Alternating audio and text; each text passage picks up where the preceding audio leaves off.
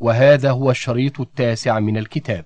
ويحكى أن بعض الحكماء كتب على باب بيته إنه لن ينتفع بحكمتنا إلا من عرف نفسه ووقف بها عند قدرها.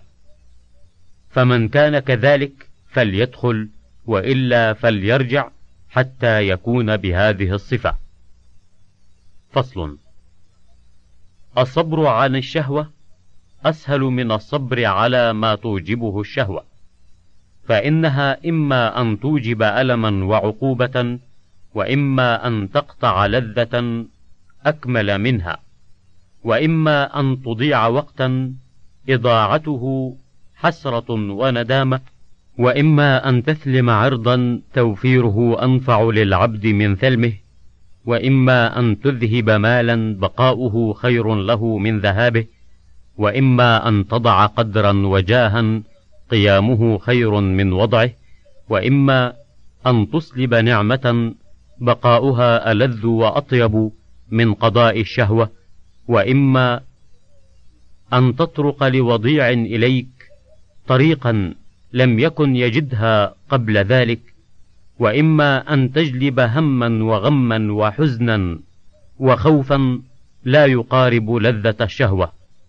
وإما أن تنسي علما ذكره ألذ من نيل الشهوة وإما أن تشمت عدوا وتحزن وليا وإما أن تقطع الطريق على نعمة مقبلة وإما أن تحدث عيبا يبقى صفة لا تزول فإن الأعمال تورث الصفات والأخلاق.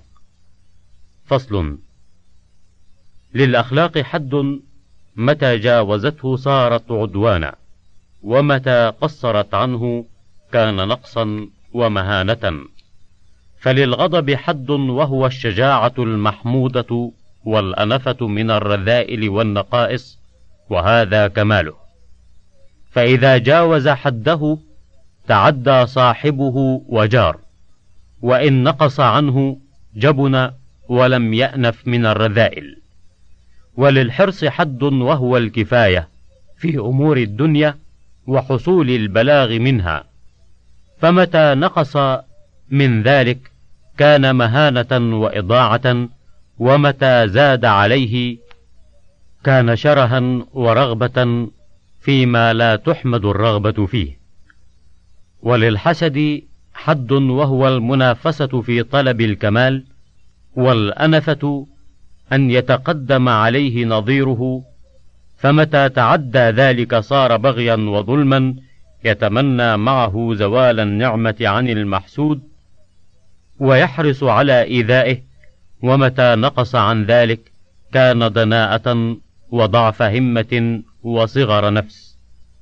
قال النبي صلى الله عليه وسلم لا حسد إلا في اثنتين رجل آتاه الله مالا فسلطه على هلكته في الحق ورجل آتاه الله الحكمة فهو يقضي بها ويعلمها الناس.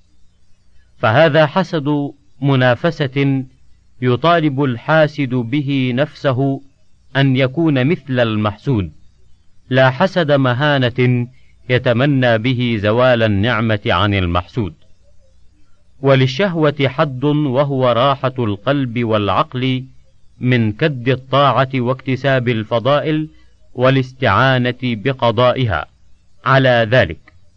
فمتى زادت على ذلك صارت نهمة وشبقا والتحق صاحبها بدرجة الحيوانات ومتى نقصت عنه ولم يكن فراغا في طلب الكمال والفضل كانت ضعفا وعجزا ومهانة وللراحة حد وهو إجمام النفس والقوى المدركة والفعالة للاستعداد للطاعة واكتساب الفضائل وتوفرها على ذلك بحيث لا يضعفها الكد والتعب ويضعف أثرها.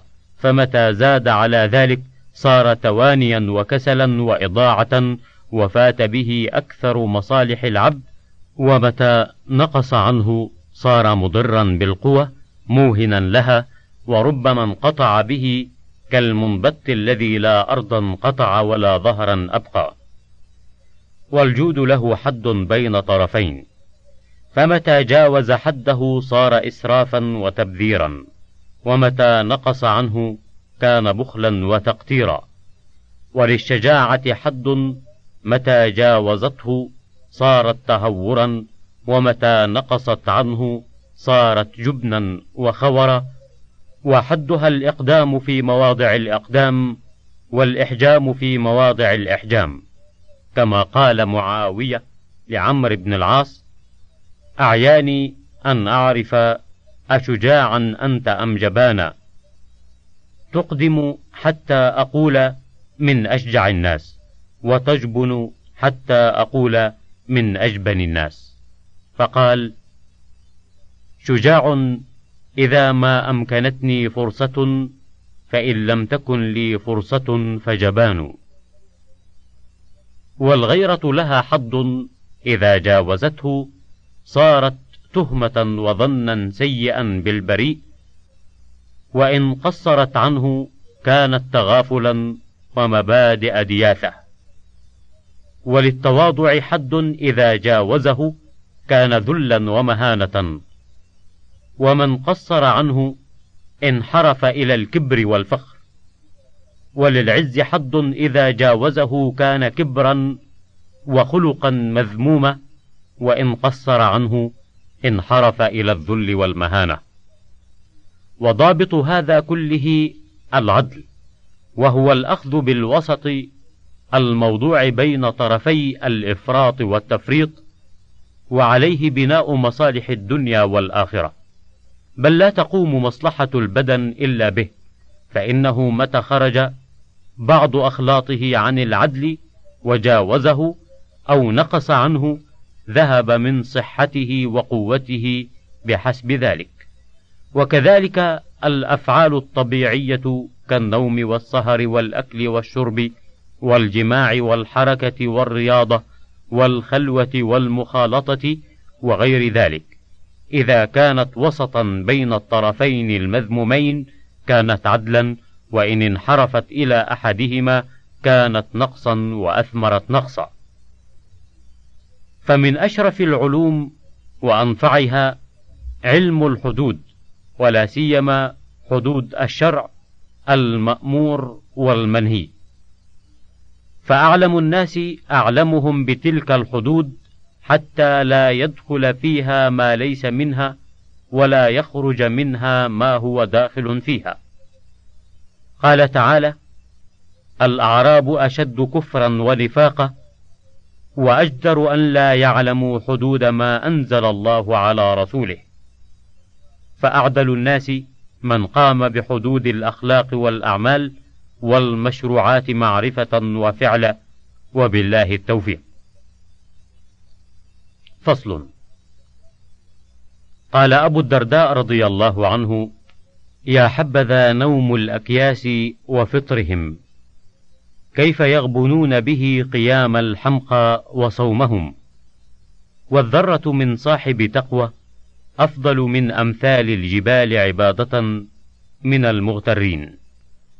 وهذا من جواهر الكلام وأدله على كمال فقه الصحابة وتقدمهم على من بعدهم في كل خير رضي الله عنهم. فاعلم أن العبد إنما يقطع منازل السير إلى الله بقلبه وهمته لا ببدنه. والتقوى في الحقيقة تقوى القلوب لا تقوى الجوارح. قال تعالى ذلك ومن يعظم شعائر الله فإنها من تقوى القلوب. وقال لن ينال الله لحومها ولا دماؤها ولكن يناله التقوى منكم. وقال صلى الله عليه وسلم التقوى ها هنا وأشار إلى صدره. فالكيس يقطع من المسافة بصحة العزيمة وعلو الهمة وتجريد القصد وصحة النية مع العمل القليل أضعاف أضعاف ما يقطعه الفارغ من ذلك مع التعب الكثير والسفر الشاق. فإن العزيمة والمحبة تذهب المشقة وتطيب السير. والتقدم والسبق إلى الله سبحانه إنما هو بالهمم وصدق الرغبة والعزيمة. فيتقدم صاحب الهمة مع سكونه صاحب العمل الكثير بمراحل فإن ساواه في همته تقدم عليه بعمله وهذا موضع يحتاج إلى تفصيل يوافق فيه الإسلام الإحسان. فأكمل الهدي هدي رسول الله صلى الله عليه وسلم. وكان موفيا كل واحد منهما حقه فكان مع كماله وإرادته وأحواله مع الله يقوم حتى ترم قدماه ويصوم حتى يقال لا يفطر.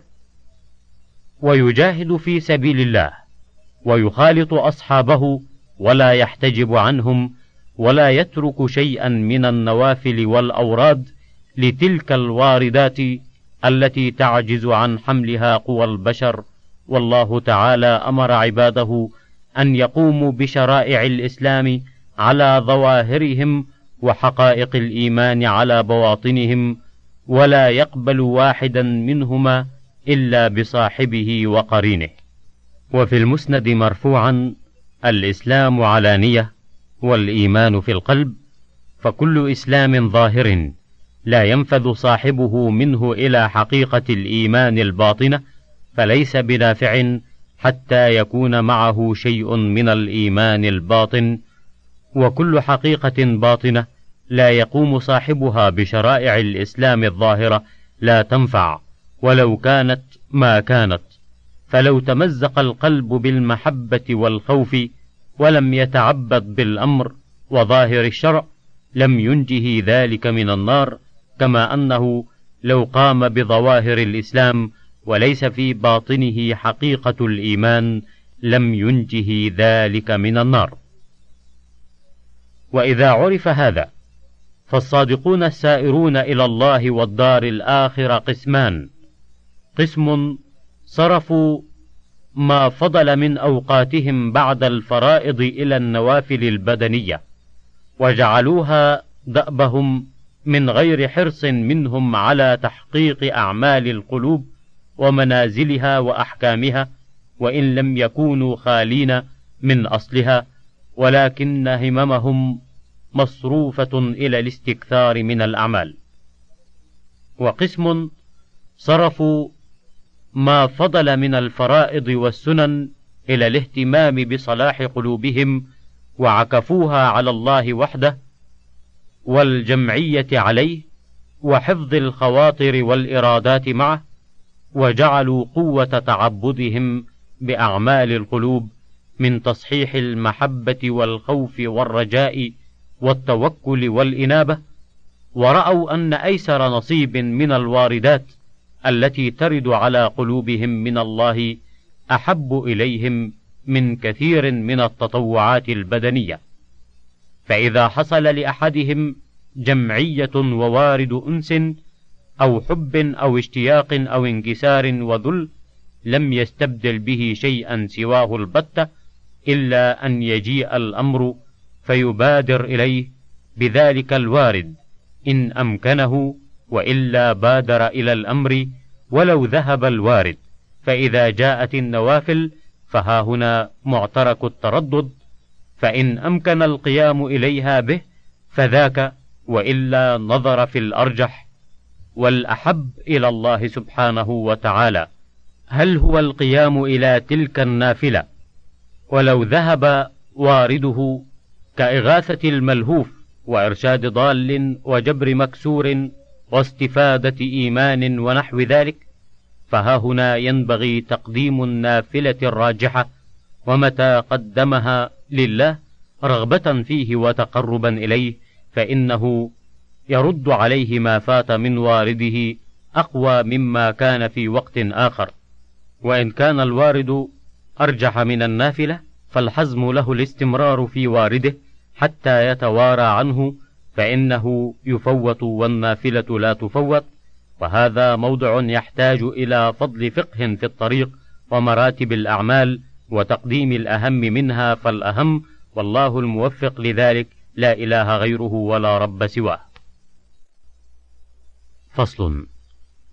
أصل الأخلاق المذمومة كلها الكبر والمهانة والدناءة وأصل الأخلاق المحمودة كلها الخشوع وعلو الهمة. فالفخر والبطر والأشر والعجب والحسد والبغي والخيلاء والظلم والقسوة والتجبر والإعراض وإباء قبول النصيحة والاستئثار وطلب العلو وحب الجاه والرئاسة. وأن يحمد بما لم يفعل وأمثال ذلك كلها ناشئة من الكبر. وأما الكذب والخسة والخيانة والرياء والمكر والخديعة والطمع والفزع والجبن والبخل والعجز والكسل والذل لغير الله واستبدال الذي هو أدنى بالذي هو خير ونحو ذلك فإنها من المهانة والدناءة وصغر النفس. وأما الأخلاق الفاضلة كالصبر والشجاعة والعدل والمروءة والعفة والصيانة والجود والحلم والعفو والصفح والاحتمال والإيثار وعزة النفس عن الدناءات والتواضع والقناعة والصدق والأخلاق والمكافأة على الإحسان بمثله أو أفضل منه والتغافل عن زلات الناس وترك الاشتغال بما لا يعنيه وسلامة القلب من تلك الأخلاق المذمومة ونحو ذلك فكلها ناشئة عن الخشوع وعلو الهمة. والله سبحانه أخبر عن الأرض بأنها تكون خاشعة ثم ينزل عليها الماء فتهتز وتربو وتأخذ زينتها وبهجتها فكذلك المخلوق منها. إذا أصابه حظه من التوفيق. وأما النار فطبعها العلو والإفساد. ثم تخمد فتصير أحقر شيء وأذله. وكذلك المخلوق منها فهي دائما بين العلو إذا هاجت واضطربت وبين الخسة والدناءة إذا خمضت وسكنت.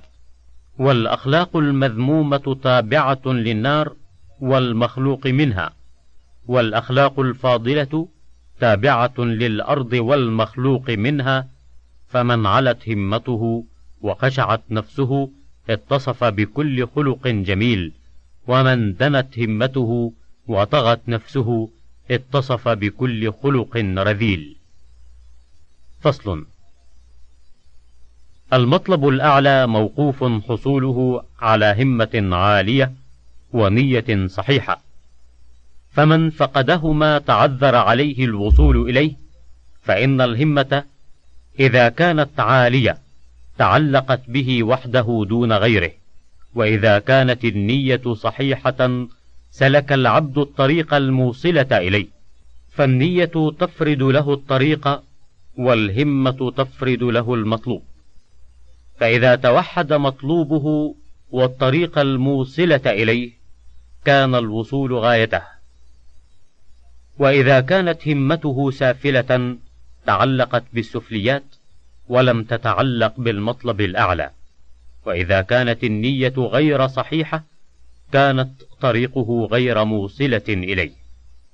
فمدار الشأن على همة العبد ونيته وهما مطلوبه وطريقه ولا يتم له إلا بترك ثلاثة أشياء العوائد والرسوم والأوضاع التي أحدثها الناس.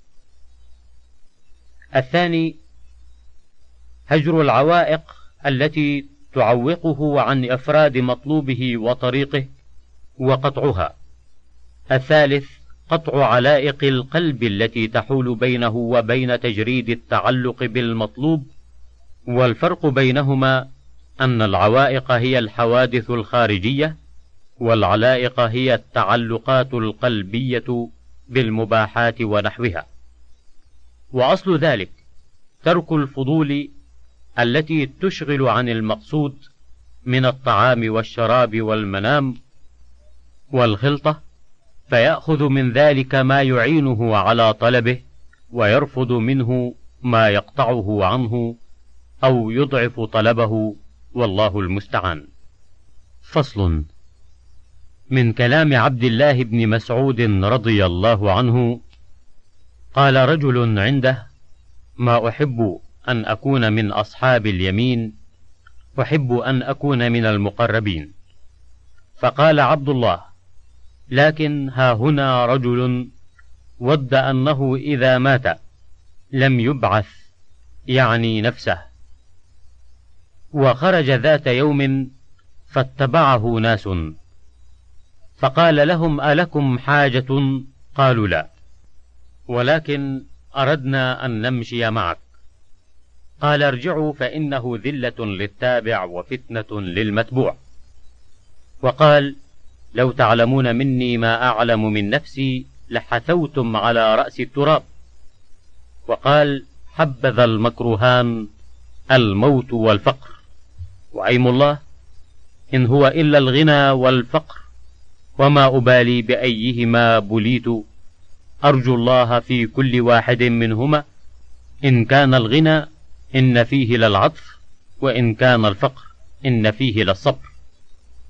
وقال إنكم في ممر الليل والنهار في آجال منقوصة وأعمال محفوظة والموت يأتي بغتة فمن زرع خيرا فيوشك أن يحصد رغبة ومن زرع شرا فيوشك أن يحصد ندامة.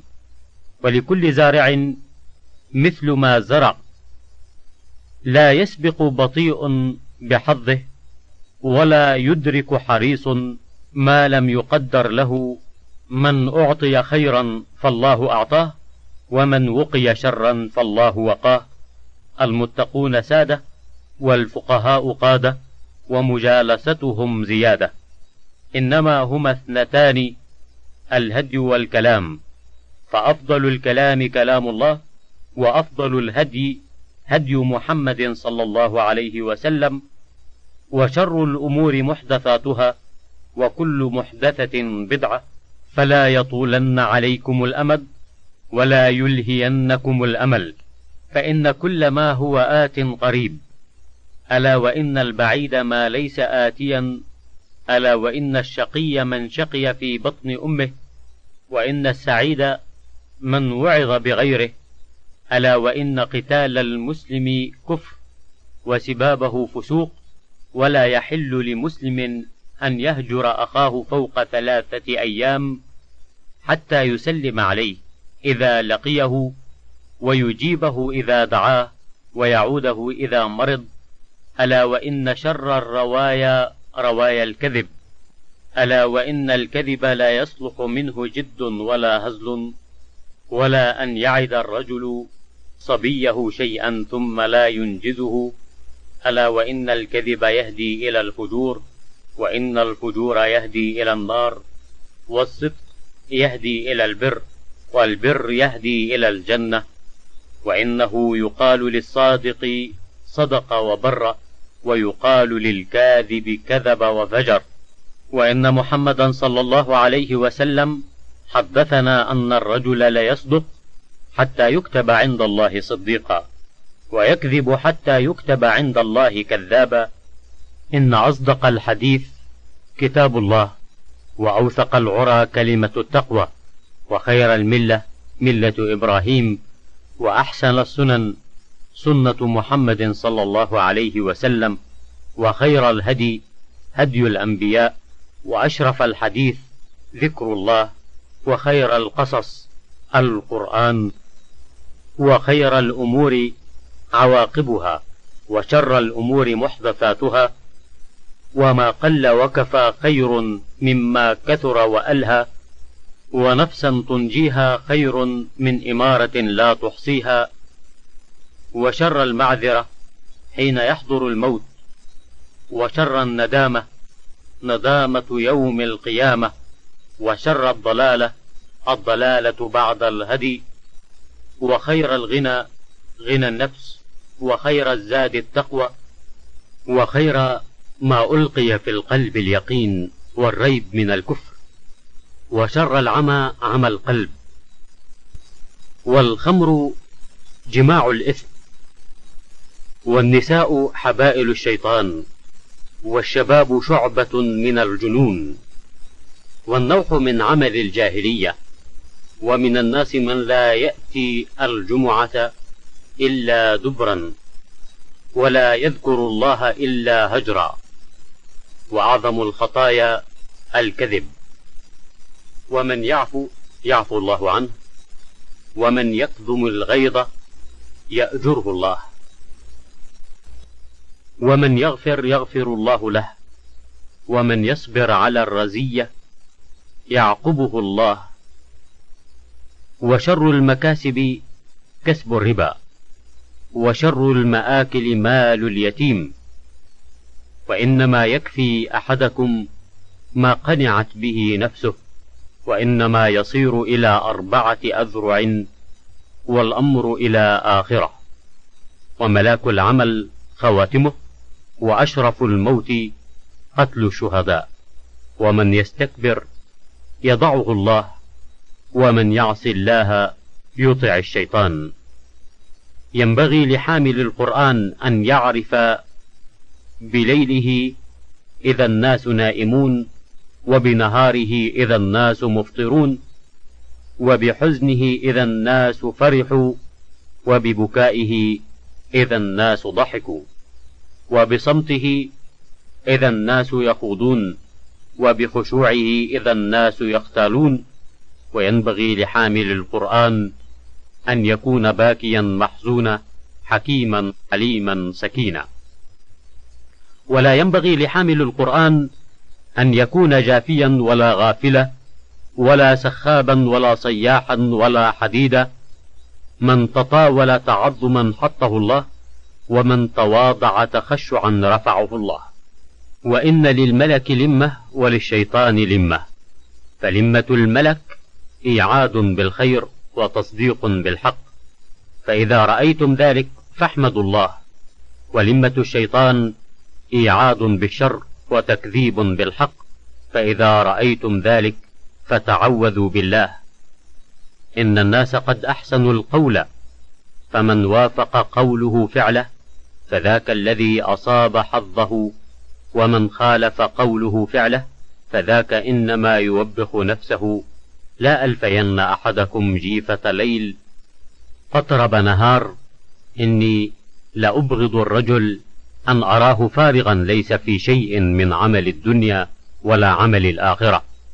ومن لم تأمره الصلاة بالمعروف وتنهه عن المنكر لم يزدد بها من الله إلا بعدا. من اليقين ألا ترضي الناس بسخط الله. ولا تحمد أحدا على رزق الله ولا تلوم أحدا على ما لم يؤتك الله فإن رزق الله لا يسوقه حرص حريص ولا يرده كراهة كاره. وإن الله بقسطه وحلمه وعدله جعل الروح والفرح في اليقين والرضا وجعل الهم والحزن في الشك والسخط. ما دمت في صلاة فأنت تقرع باب الملك ومن يقرع باب الملك يفتح له. إني لأحسب الرجل ينسى العلم كان يعلمه بالخطيئة يعملها. كونوا ينابيع العلم مصابيح الهدى أحلاس البيوت سرج الليل جدد القلوب خلقان الثياب تعرفون في السماء وتخفون على أهل الأرض. إن للقلوب شهوة وإدبارا فاغتنموها عند شهوتها وإقبالها وضعوها عند فترتها وإدبارها. ليس العلم بكثرة الرواية ولكن العلم الخشية. إنكم ترون الكافر من أصح الناس جسما وأمرضه قلبا وتلقون المؤمن من أصح الناس قلبا وأمرضه جسما. وأيم الله لو مرضت قلوبكم وصحت أجسامكم لكنتم أهون على الله من الجعلان. لا يبلغ العبد حقيقة الإيمان حتى يحل بذروته ولا يحل بذروته حتى يكون الفقر أحب إليه من الغنى والتواضع أحب إليه من الشرف. وحتى يكون حامده وذامه عنده سواء. وإن الرجل ليخرج من بيته ومعه دينه فيرجع وما معه منه شيء. يأتي الرجل ولا يملك له ولا لنفسه ضرا ولا نفعا فيقسم له بالله أنك لذيت وذيت فيرجع وما حبى من حاجته بشيء ويسخط الله عليه. لو سخرت من كلب لخشيت أن أحول كلبا. الإثم حواز القلوب. ما كان من نظرة فإن للشيطان فيها مطمعا مع كل فرحة طرحة وما ملئ بيت حبرة إلا ملئ عبرة. وما منكم إلا ضيف وماله عارية. فالضيف مرتحل والعارية مؤداة إلى أهلها.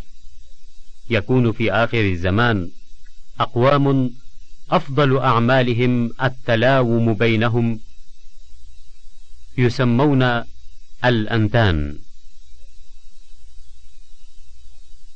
وإذا أحب الرجل أن ينصف من نفسه فليأتي إلى الناس الذي يحب أن يؤتى إليه. الحق ثقيل مريء والباطل خفيف وبيء. رب شهوة تورث حزنا طويلا. ما على وجه الأرض شيء أحوج إلى طول سجن من لسان. إذا ظهر الزنا والربا في قرية أذن بهلاكها من استطاع منكم أن يجعل كنزه في السماء.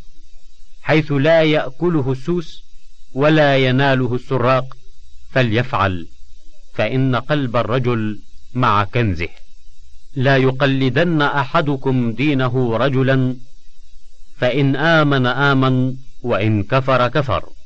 وإن كنتم لا بد مقتدين فاقتدوا بالميت فإن الحي لا تؤمن عليه الفتنة. لا يكن أحدكم إمعة قالوا وما الإمعة؟ قال يقول أنا مع الناس. إن اهتدوا اهتديت وإن ضلوا ضللت. ألا ليوطن أحدكم نفسه على أنه إن كفر الناس لا يكفر. وقال له رجل علمني كلمات جوامع نوافع. فقال اعبد الله لا تشرك به شيئا. وزل مع القرآن حيث زال. ومن جاءك بالحق فاقبل منه وإن كان بعيدا بغيضا. ومن جاءك بالباطل فاردد عليه وإن كان حبيبا قريبا. يؤتى بالعبد يوم القيامة فيقال له أد أمانتك. فيقول يا رب من أين؟ وقد ذهبت الدنيا فتمثل على هيئتها يوم أخذها في قعر جهنم. فينزل فيأخذها فيضعها على عاتقه فيصعد بها حتى إذا ظن أنه خارج بها هوت وهوى في إثرها أبد الآبدين. اطلب قلبك في ثلاثة مواطن عند سماع القرآن وفي مجالس الذكر. وفي أوقات الخلوة فإن لم تجده في هذه المواطن فسل الله أن يمن عليك بقلب فإنه لا قلب لك. قال الجنيد دخلت على شاب فسألني عن التوبة فأجبته فسألني عن حقيقتها فقلت أن تنصب ذنبك بين عينيك حتى يأتيك الموت. فقال لي مه! ما هذا حقيقة التوبة؟ فقلت له فما حقيقة التوبة عندك يا فتى؟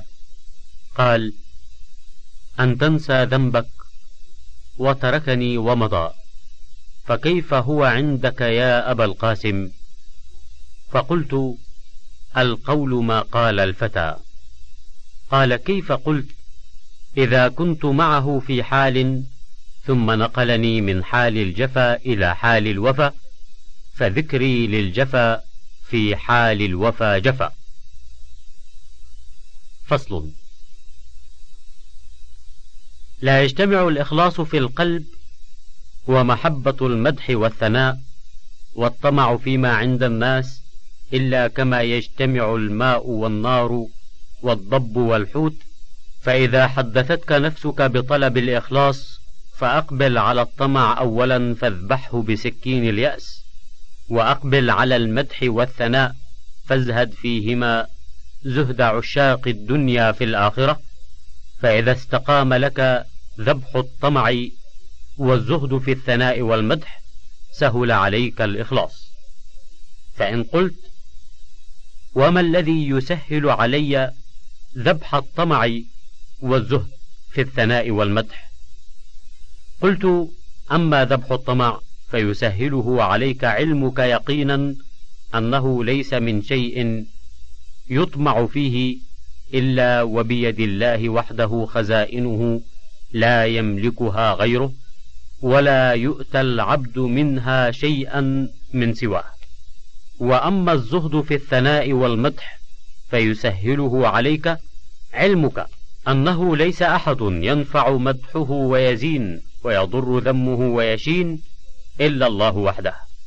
كما قال ذلك الأعرابي للنبي صلى الله عليه وسلم إن مدحي زين وذمي شين.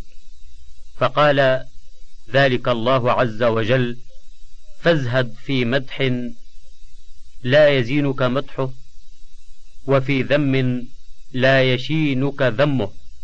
وارغب في مدح من كان الزين في مدحه وكل شيء في ذمه. ولن يقدر على ذلك إلا الصابر. فمتى فقدت الصبر واليقين كنت كمن أراد السفر في البحر في غير مركب. قال تعالى فاصبر إن وعد الله حق ولا يستخفنك الذين لا يوقنون وقال تعالى وجعلنا منهم أئمة يهدون بأمرنا لما صبروا وكانوا بآياتنا يوقنون. فصل. لذة كل أحد على حسب قدره وهمته وشرف نفسه. فأشرف الناس نفسا وأعلاهم همة وأرفعهم قدرا. من لذته في معرفة الله ومحبته والشوق إلى لقائه والتودد إليه بما يحبه ويرضاه فلذته في إقباله عليه وعكوف همته عليه.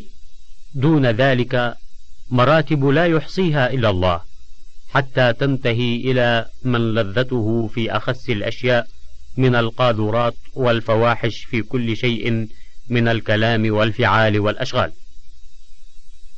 فلو عرض عليه ما يلتذ به الأول لم تسمح نفسه بقبوله ولا الالتفات إليه وربما تألمت من ذلك كما أن الأول إذا عرض عليه ما يلتذ به هذا لم تسمح نفسه به ولم تلتفت إليه ونفرت نفسه منه. وأكمل الناس لذة من جمع له بين لذة القلب والروح ولذة البدن. فهو يتناول لذاته المباحة على وجه لا ينقص حظه من الدار الآخرة ولا يقطع عليه لذة المعرفة والمحبة والأنس بربه. فهذا ممن قال تعالى فيه قل من حرم زينة الله التي أخرج لعباده والطيبات من الرزق قل هي للذين آمنوا في الحياة الدنيا خالصة يوم القيامة. وأبخسهم حظا من اللذة من تناولها على وجه يحول بينه وبين لذات الآخرة فيكون ممن يقال لهم يوم استيفاء اللذات أذهبتم طيباتكم في حياتكم الدنيا واستمتعتم بها فهؤلاء تمتعوا بالطيبات وأولئك تمتعوا بالطيبات فافترقوا في وجه التمتع فأولئك تمتعوا بها على الوجه الذي أذن لهم فيه فجمع لهم بين لذة الدنيا والآخرة وهؤلاء تمتعوا بها على الوجه الذي دعاهم إليه الهوى والشهوة وسواء أذن لهم فيه أم لا فانقطعت عنهم لذة الدنيا وفاتتهم لذة الآخرة فلا لذة الدنيا دامت لهم ولا لذة الآخرة حصلت لهم فمن أحب اللذة ودوامها والعيش الطيب فليجعل لذة الدنيا موصلا له إلى لذة الآخرة بأن يستعين بها على فراغ قلبه لله وإرادته وعبادته فيتناولها بحكم الاستعانة والقوة على طلبه لا بحكم مجرد الشهوة والهوى. وإن كان ممن زويت عنه لذات الدنيا وطيباتها فليجعل ما نقص منها زيادة في لذة الآخرة. ويجم نفسه ها هنا بالترك ليستوفيها كاملة هناك. فطيبات الدنيا ولذاتها نعم العون لمن صح طلبه لله والدار الآخرة. وكانت همه لما هناك. وبئس القاطع لمن كانت هي مقصوده وهمته. وحولها يدندن وفواتها في الدنيا نعم العون لطالب الله والدار الآخرة وبئس القاطع النازع من الله والدار الآخرة. فمن أخذ منافع الدنيا على وجه لا ينقص حظه من الآخرة ظفر بهما جميعا وإلا خسرهما جميعا. سبحان الله رب العالمين. لو لم يكن في ترك الذنوب والمعاصي إلا إقامة المروءة وصون العرض وحفظ الجاه وصيانة المال الذي جعله الله قواما لمصالح الدنيا والآخرة ومحبة الخلق وجواز القول بينهم وصلاح المعاش وراحة البدن وقوة القلب وطيب النفس ونعيم القلب وانشراح الصدر والأمن من مخاوف الفساق والفجار وقلة الهم والغم والحزن وعز النفس عن احتمال الذل وصون نور القلب أن تطفئه ظلمة المعصية وحصول المخرج له مما ضاق على الفساق والفجار وتيسير الرزق عليه من حيث لا يحتسب وتيسير ما عسر على أرباب الفسوق والمعاصي وتسهيل الطاعات عليه وتيسير العلم والثناء الحسن في الناس وكثرة الدعاء له والحلاوة التي يكتسبها وجهه والمهابة التي تلقى له في قلوب الناس وانتصارهم وحميتهم له إذا أوذي وظلم وذبهم عن عرضه إذا اغتابه مغتاب وسرعة إجابة دعائه وزوال الوحشة التي بينه وبين الله وقرب الملائكة منه وبعد الشياطين من الإنس والجن عنه وتنافس الناس على خدمته وقضاء حوائجه وخطبتهم لمودته وصحبته وعدم خوفه من الموت بل يفرح به لقدومه على ربه ولقائه له ومصيره إليه وصغر الدنيا في قلبه وكبر الآخرة عنده وحرصه على الملك الكبير والفوز العظيم فيها وذوق حلاوة الطاعة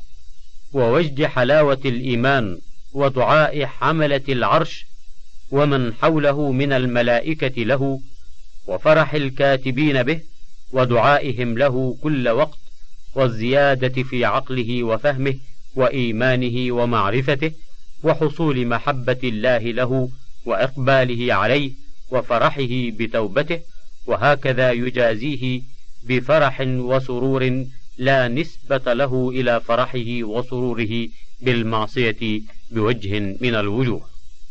فهذه بعض آثار ترك المعاصي في الدنيا فإذا مات تلقته الملائكة بالبشرى من ربه بالجنة وبأنه لا خوف عليه ولا حزن وينتقل من سجن الدنيا وضيقها إلى روضة من رياض الجنة ينعم فيها إلى يوم القيامة. فإذا كان يوم القيامة كان الناس في الحر والعرق وهو في ظل العرش فإذا انصرفوا من بين يدي الله أخذ به ذات اليمين مع أوليائه المتقين وحزبه المفلحين وذلك فضل الله يؤتيه من يشاء والله ذو الفضل العظيم. فصل. ذكر ابن سعد في الطبقات عن عمر بن عبد العزيز أنه كان إذا خطب على المنبر فخاف على نفسه العجب قطعه. وإذا كتب كتابا فخاف فيه العجب مزقه. ويقول اللهم إني أعوذ بك من شر نفسي. اعلم أن العبد إذا شرع في قول أو عمل يبتغي به مرضاة الله تعالى مطالعا فيه منة الله عليه به وتوفيقه له فيه. وأنه بالله لا بنفسه ولا بمعرفته وفكره وحوله وقوته بل هو بالذي أنشأ له اللسان والقلب والعين والأذن. فالذي من عليه بذلك هو الذي من عليه بالقول والفعل. فإذا لم يغب ذلك عن ملاحظته ونظر قلبه لم يحضره العجب الذي أصله رؤية نفسه وغيبته عن شهود منة ربه وتوفيقه وإعانته. فإذا غاب عن تلك الملاحظة وثبت النفس وقامت في مقام الدعوة فوقع العجب ففسد عليه القول والعمل فتارة يحال بينه وبين تمامه ويقطع عليه ويكون ذلك رحمة به حتى لا يغيب عن مشاهدة المنة والتوفيق وتارة يتم له ولكن لا يكون له ثمرة. وإن أثمر أثمر ثمرة ضعيفة غير محصلة للمقصود.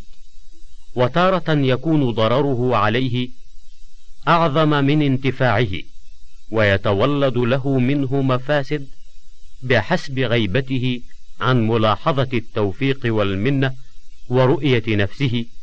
وإن القول والفعل به.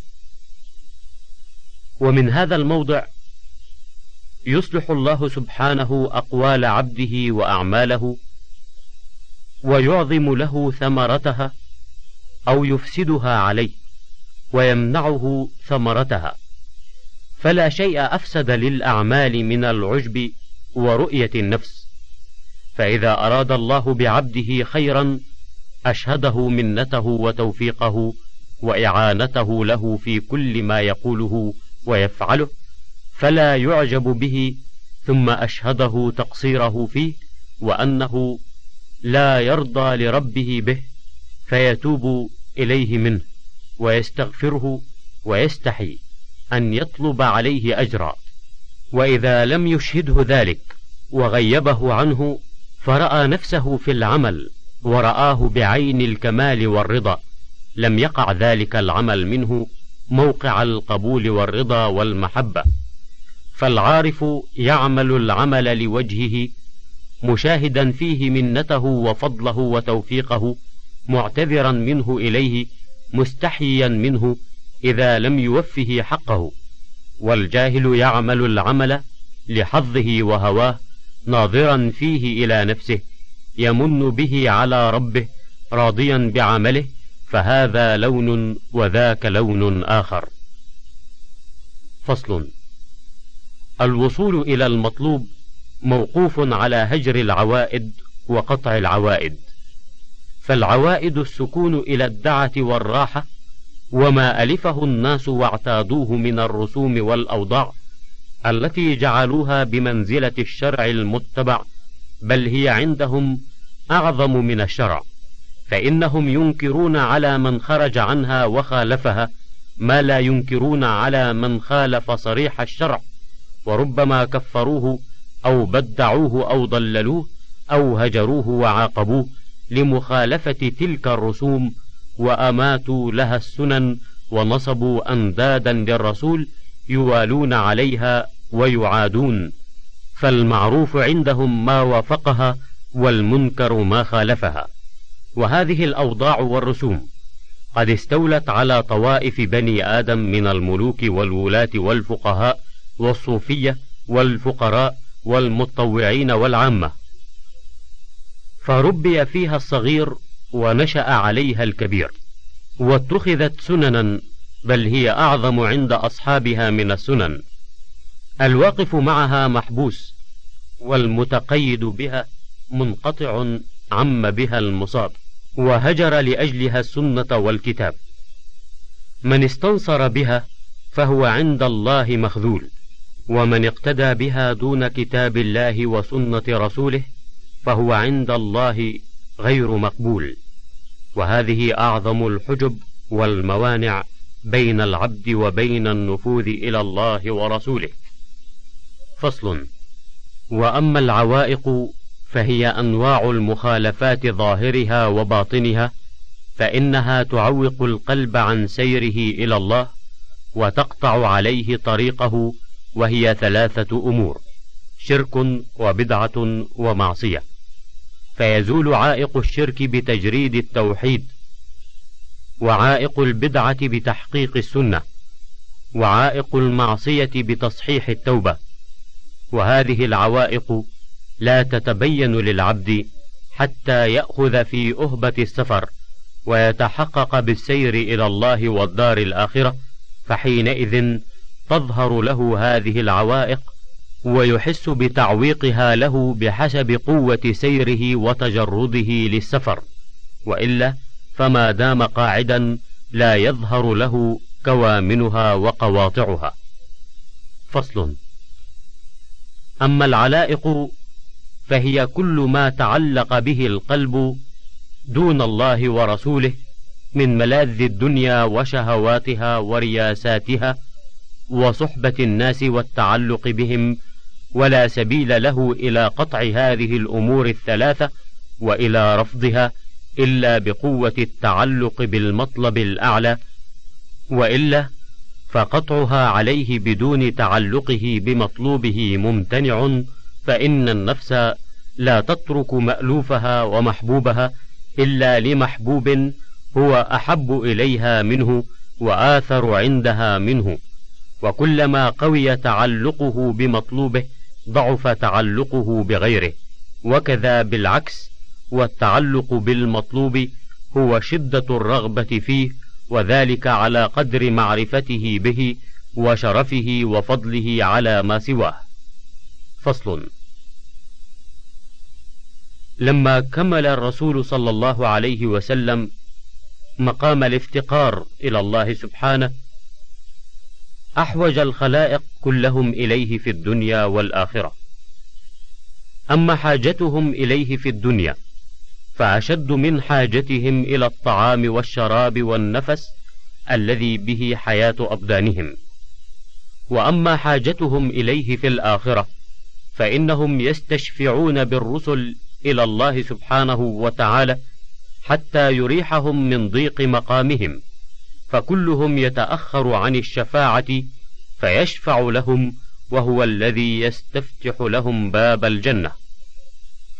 فصل من علامات السعادة والفلاح أن العبد كلما زيد في علمه زيد في تواضعه ورحمته وكلما زيد في عمله زيد في خوفه وحذره وكلما زيد في عمره نقص من حرصه وكلما زيد في ماله زيد في سخائه وبذله وكلما زيد في قدره وجاهه زيد في قربه من الناس وقضاء حوائجهم والتواضع لهم. وعلامات الشقاوة أنه كلما زيد في علمه زيد في كبره وتيهه. وكلما زيد في عمله زيد في فخره واحتقاره للناس وحسن ظنه بنفسه. وكلما زيد في عمره زيد في حرصه. وكلما زيد في ماله زيد في بخله وإمساكه. وكلما زيد في قدره وجاهه زيد في كبره وتيهه. وهذه الأمور ابتلاء من الله وامتحان يبتلي بها عباده فيسعد بها أقوام ويشقي بها أقوام. وكذلك الكرامات امتحان وابتلاء كالملك والسلطان والمال.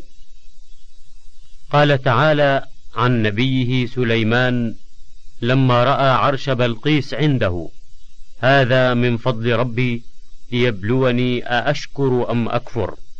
فالنعم ابتلاء من الله وامتحان يظهر بها شكر الشكور وكفر الكفور كما أن المحن بلوى منه سبحانه فهو يبتلي بالنعم كما يبتلي بالمصائب. قال تعالى فأما الإنسان إذا ما ابتلاه ربه فأكرمه ونعمه فيقول ربي أكرمن وأما إذا ما ابتلاه فقدر عليه رزقه فيقول ربي أهانني كلا. أي ليس كل من وسعت عليه وأكرمته ونعمته يكون ذلك إكراما مني له ولا كل من ضيقت عليه رزقه وابتليته يكون ذلك إهانة مني له. انتهى الشريط التاسع. وللكتاب بقية على الشريط التالي.